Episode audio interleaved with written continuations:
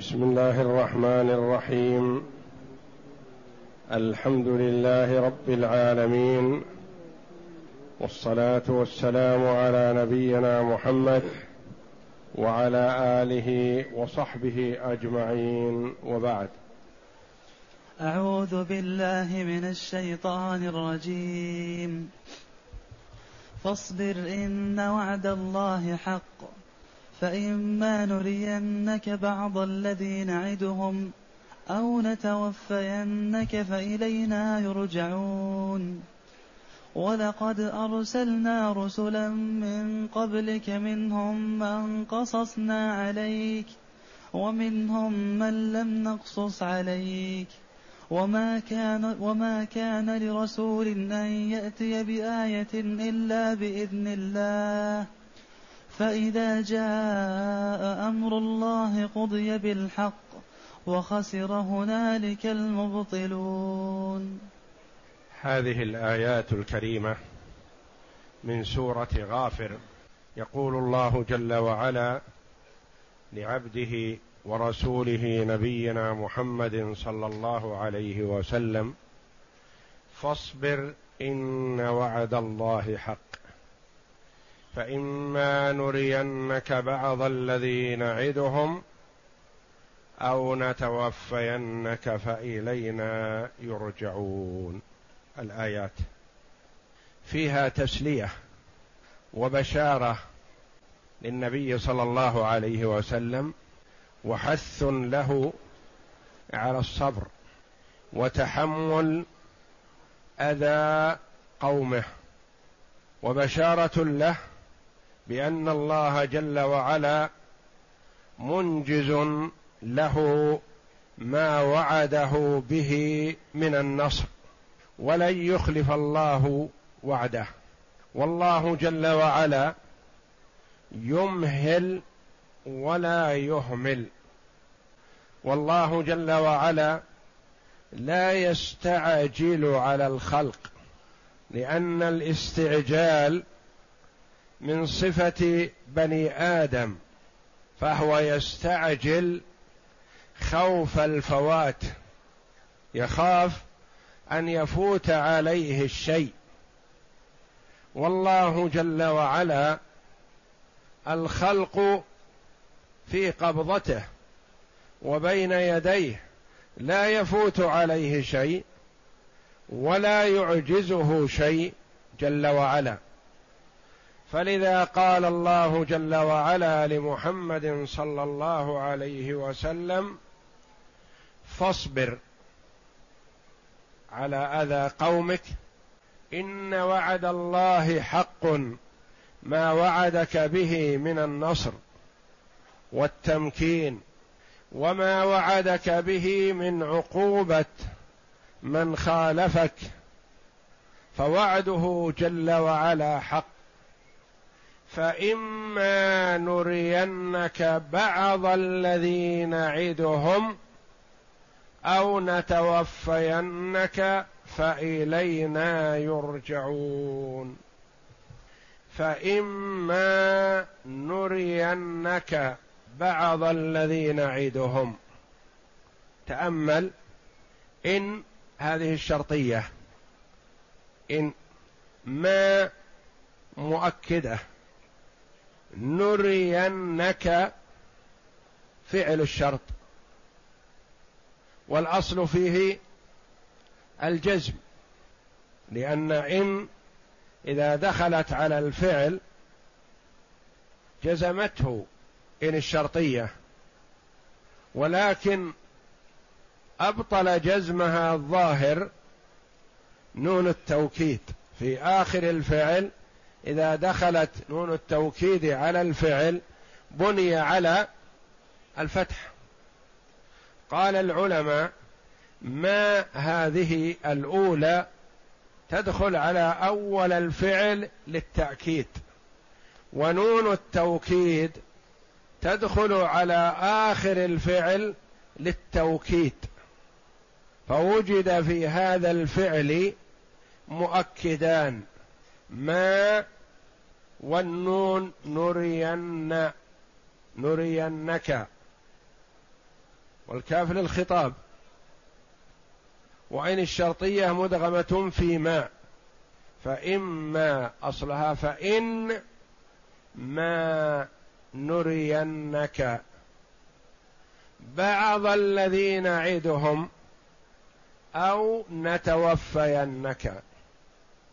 يقول الله جل وعلا له وعد الله لك ولأمتك بالنصر والتمكين وعقوبة من عاداك حق لا محالة ولكن لا يخلو إما أن يعجل الله جل وعلا لك شيئا مما وعدهم به من العذاب في حال حياتك وإما أن يتوفاك الله جل وعلا قبل أن ترى عذابهم فيجمع لهم في الدار الآخرة.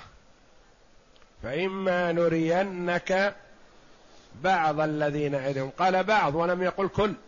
لأن الله جل وعلا وعدهم عذاب الدنيا وعذاب الآخرة. فإما أن يريه شيئا من العذاب الذي هو عذاب الدنيا وإما أن يتوفى الله رسوله صلى الله عليه وسلم ويؤخر عذابهم إلى الدار الآخرة أو يحصل بعد وفاته صلى الله عليه وسلم. لأن الأمر لله جل وعلا وحده. ليس لك يا محمد من الأمر شيء. لكن نصرك وتأييدك وعقوبة من خالفك هذا شيء محقق. لا كلام فيه. لكن قد يعجله الله جل وعلا لحكمة وقد يؤخره فيكون كله في الدار الآخرة أو يؤخره في الدنيا بعد وفاتك. والفعل الأول نرينك مؤكد بمؤكدين. ما الداخل على أول الفعل والنون نون التوكيد الداخلة على آخر الفعل. أو نتوفينك مؤكد ب مؤكد واحد وهو نون التوكيد. وقد قر الله عين رسوله صلى الله عليه وسلم فأراه ما وعد من خالفه من العذاب.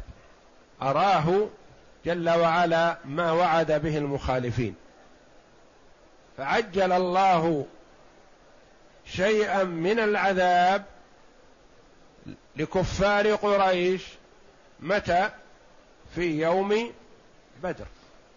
وأقر الله جل وعلا عين رسوله صلى الله عليه وسلم بفتح مكة في حياته عليه الصلاة والسلام. فعجل الله جل وعلا نصر رسوله وخذلان اعدائه فأطلع الله جل وعلا رسوله صلى الله عليه وسلم على ذلك قبل أن يتوفى. فإما نرينك بعض الذي نعدهم من العذاب. وقد قتل من صناديد قريش الذين آذوا النبي صلى الله عليه وسلم يوم بدر سبعون كلهم من صناديدهم ومن كبرائهم. وأسر بالحديد والقيد سبعون.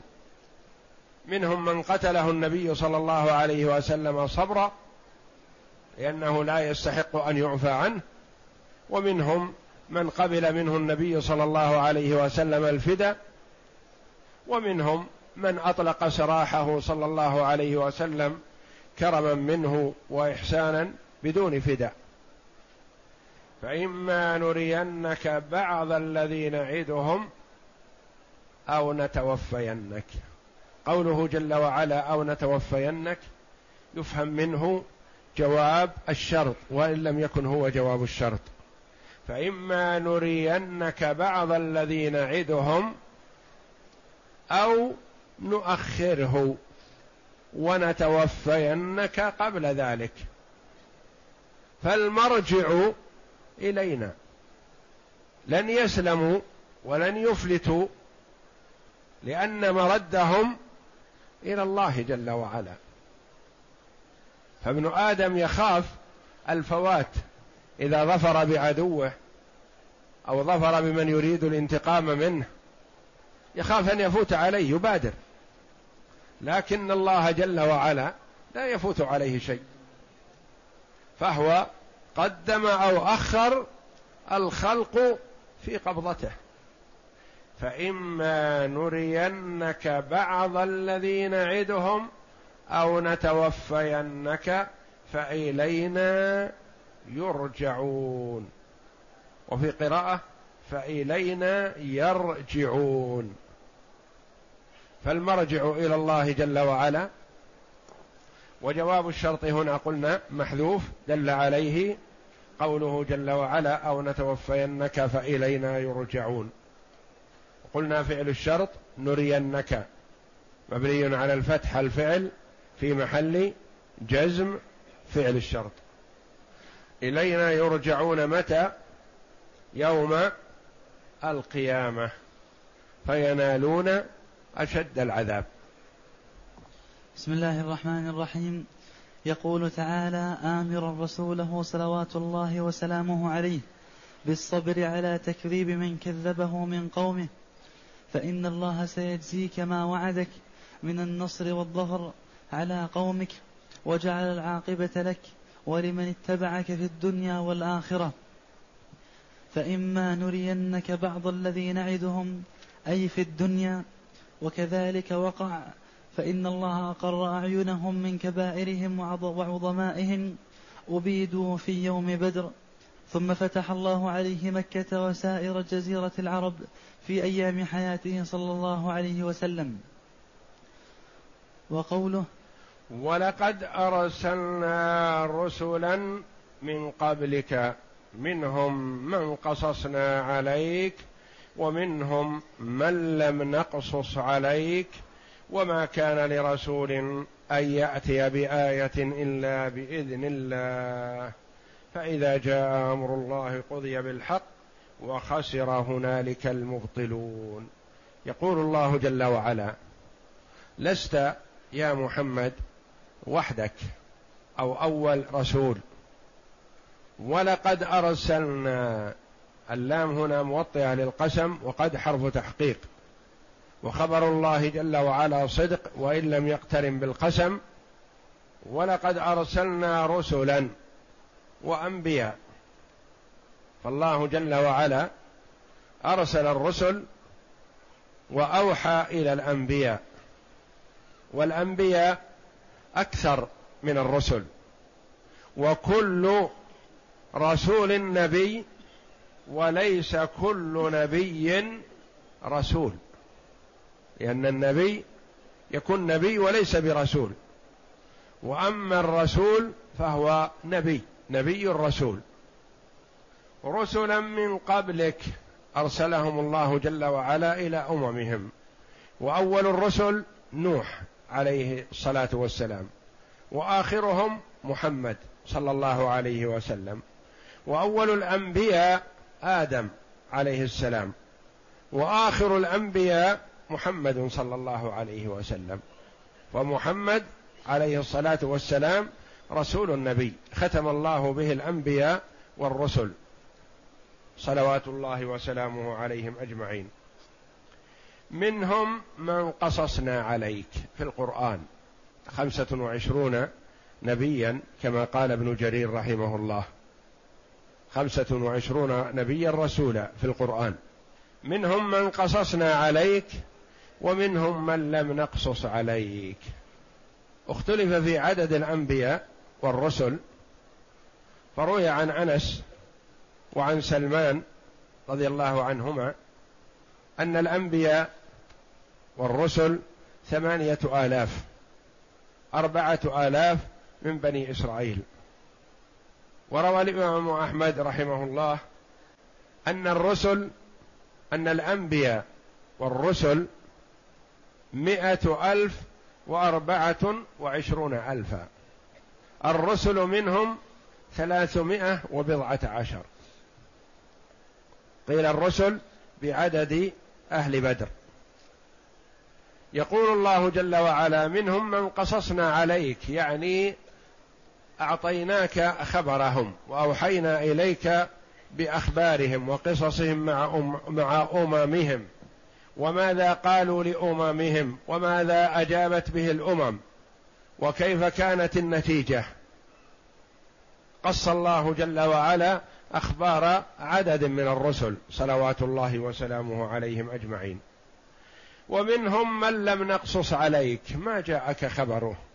وما أخبرناك عنه لأنهم كثير. لحكمة يريدها الله جل وعلا. فعن أبي ذر رضي الله عنه قال قلت يا رسول الله كم عدة الأنبياء؟ قال مائه ألف وأربعة وعشرون ألفا. الرسل من ذلك ثلاثمائة وخمسة عشر جما غفيرا. أخرجه أحمد. وما قيل أنهم ثمانية آلاف برواية أنس بن مالك وسلمان الفارسي. رضي الله عنهما. وما كان لرسول أن يأتي بآية. هذا هو المراد. أرسلنا قبلك يا محمد رسلا كثير. منهم من خبرناك عنهم ومنهم من لم نخبرك عنهم. وما كان لواحد من هؤلاء أن يأتي بآية من عند نفسه. ما يستطيع وإن كان نبيا رسولا ما يستطيع أن يأتي بآية معجزة تدل على صدقه من عند نفسه. وإنما يأتي بما أوحى الله جل وعلا إليه به. فقومك طلبوا منك امورا. كفار قريش قالوا للنبي صلى الله عليه وسلم نريد منك أن تأتي بما نطلب منك حتى نتبعك. فحرص النبي صلى الله عليه وسلم لعلهم يسلمون. وإلا فهو واثق من صدقه ووعد ربه جل وعلا له.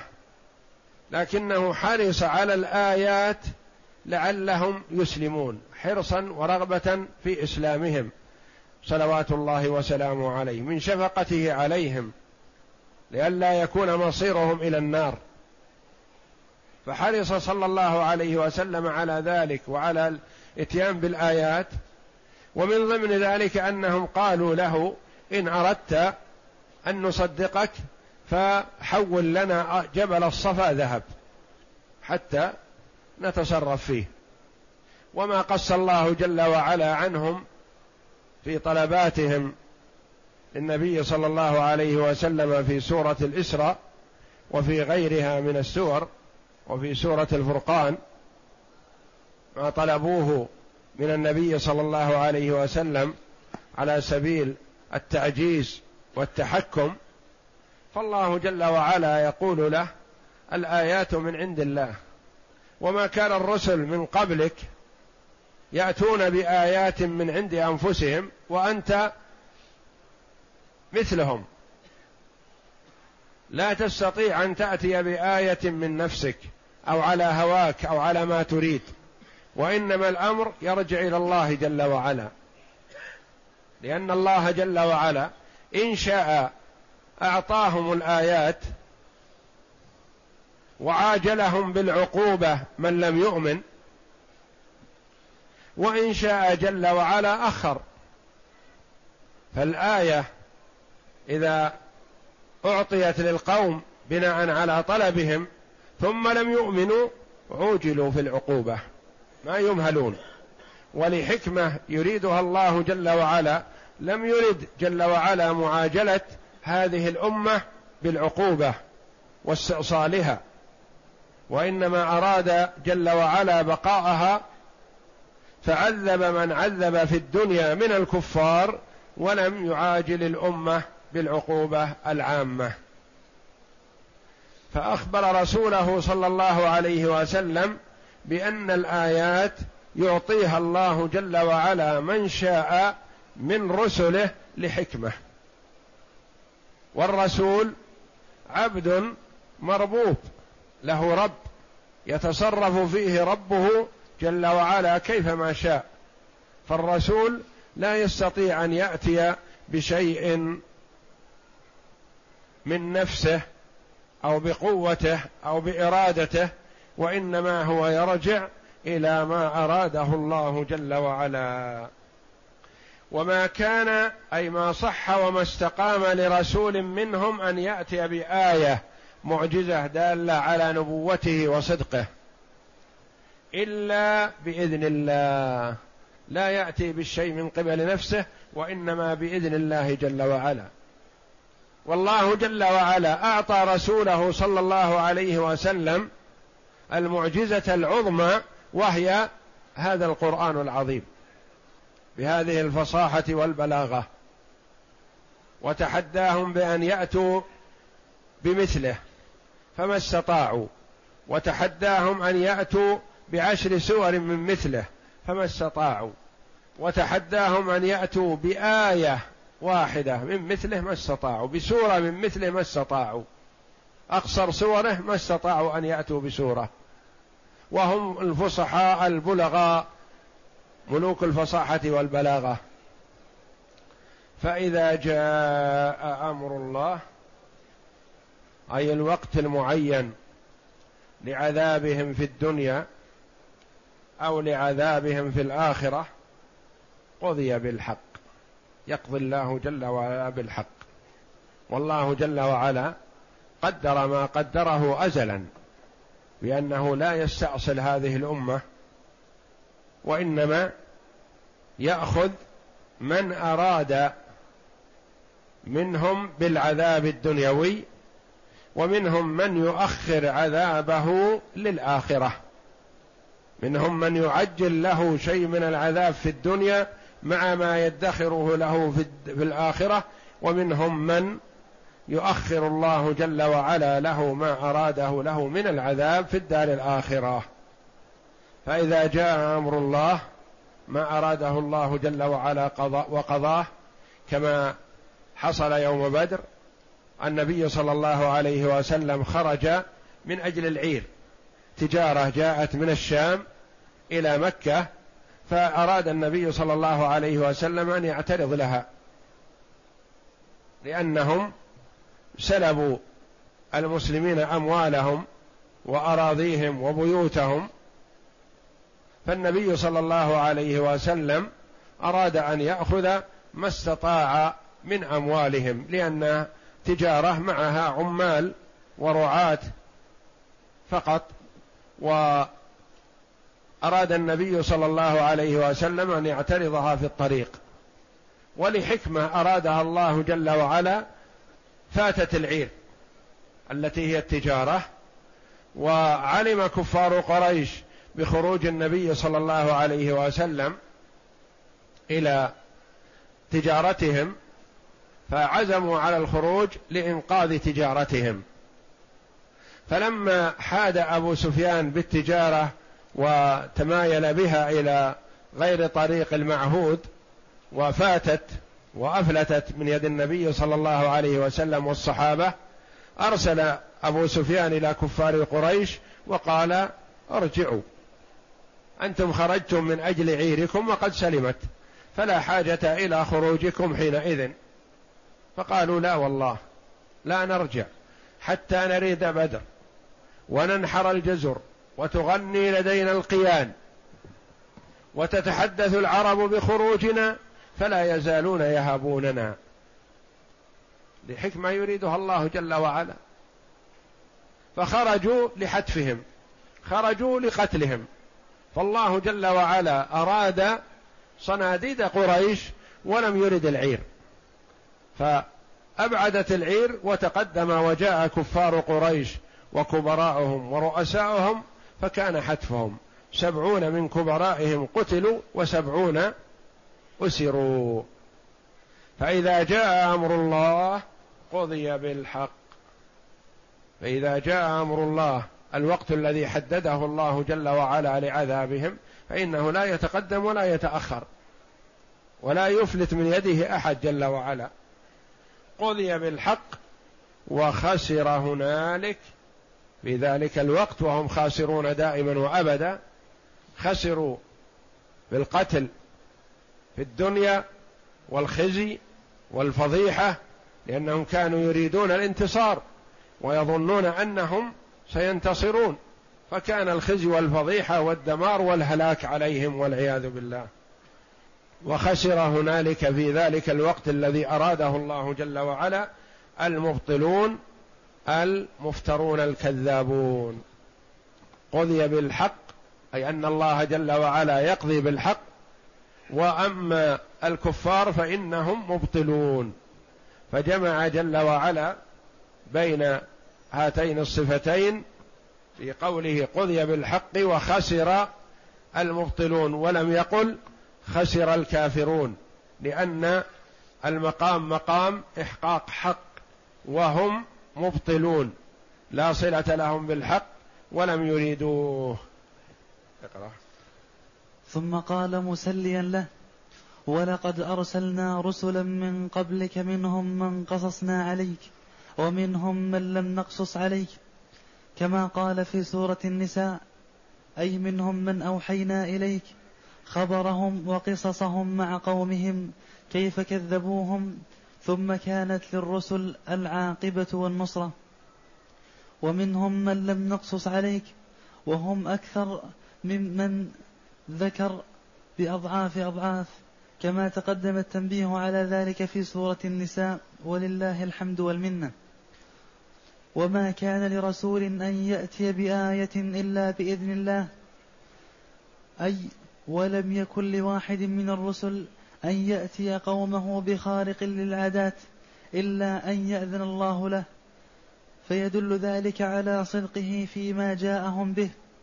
فإذا جاء أمر الله وهو عذابه ونكاله المحيط بالكافرين وخسر هنالك المبطلون.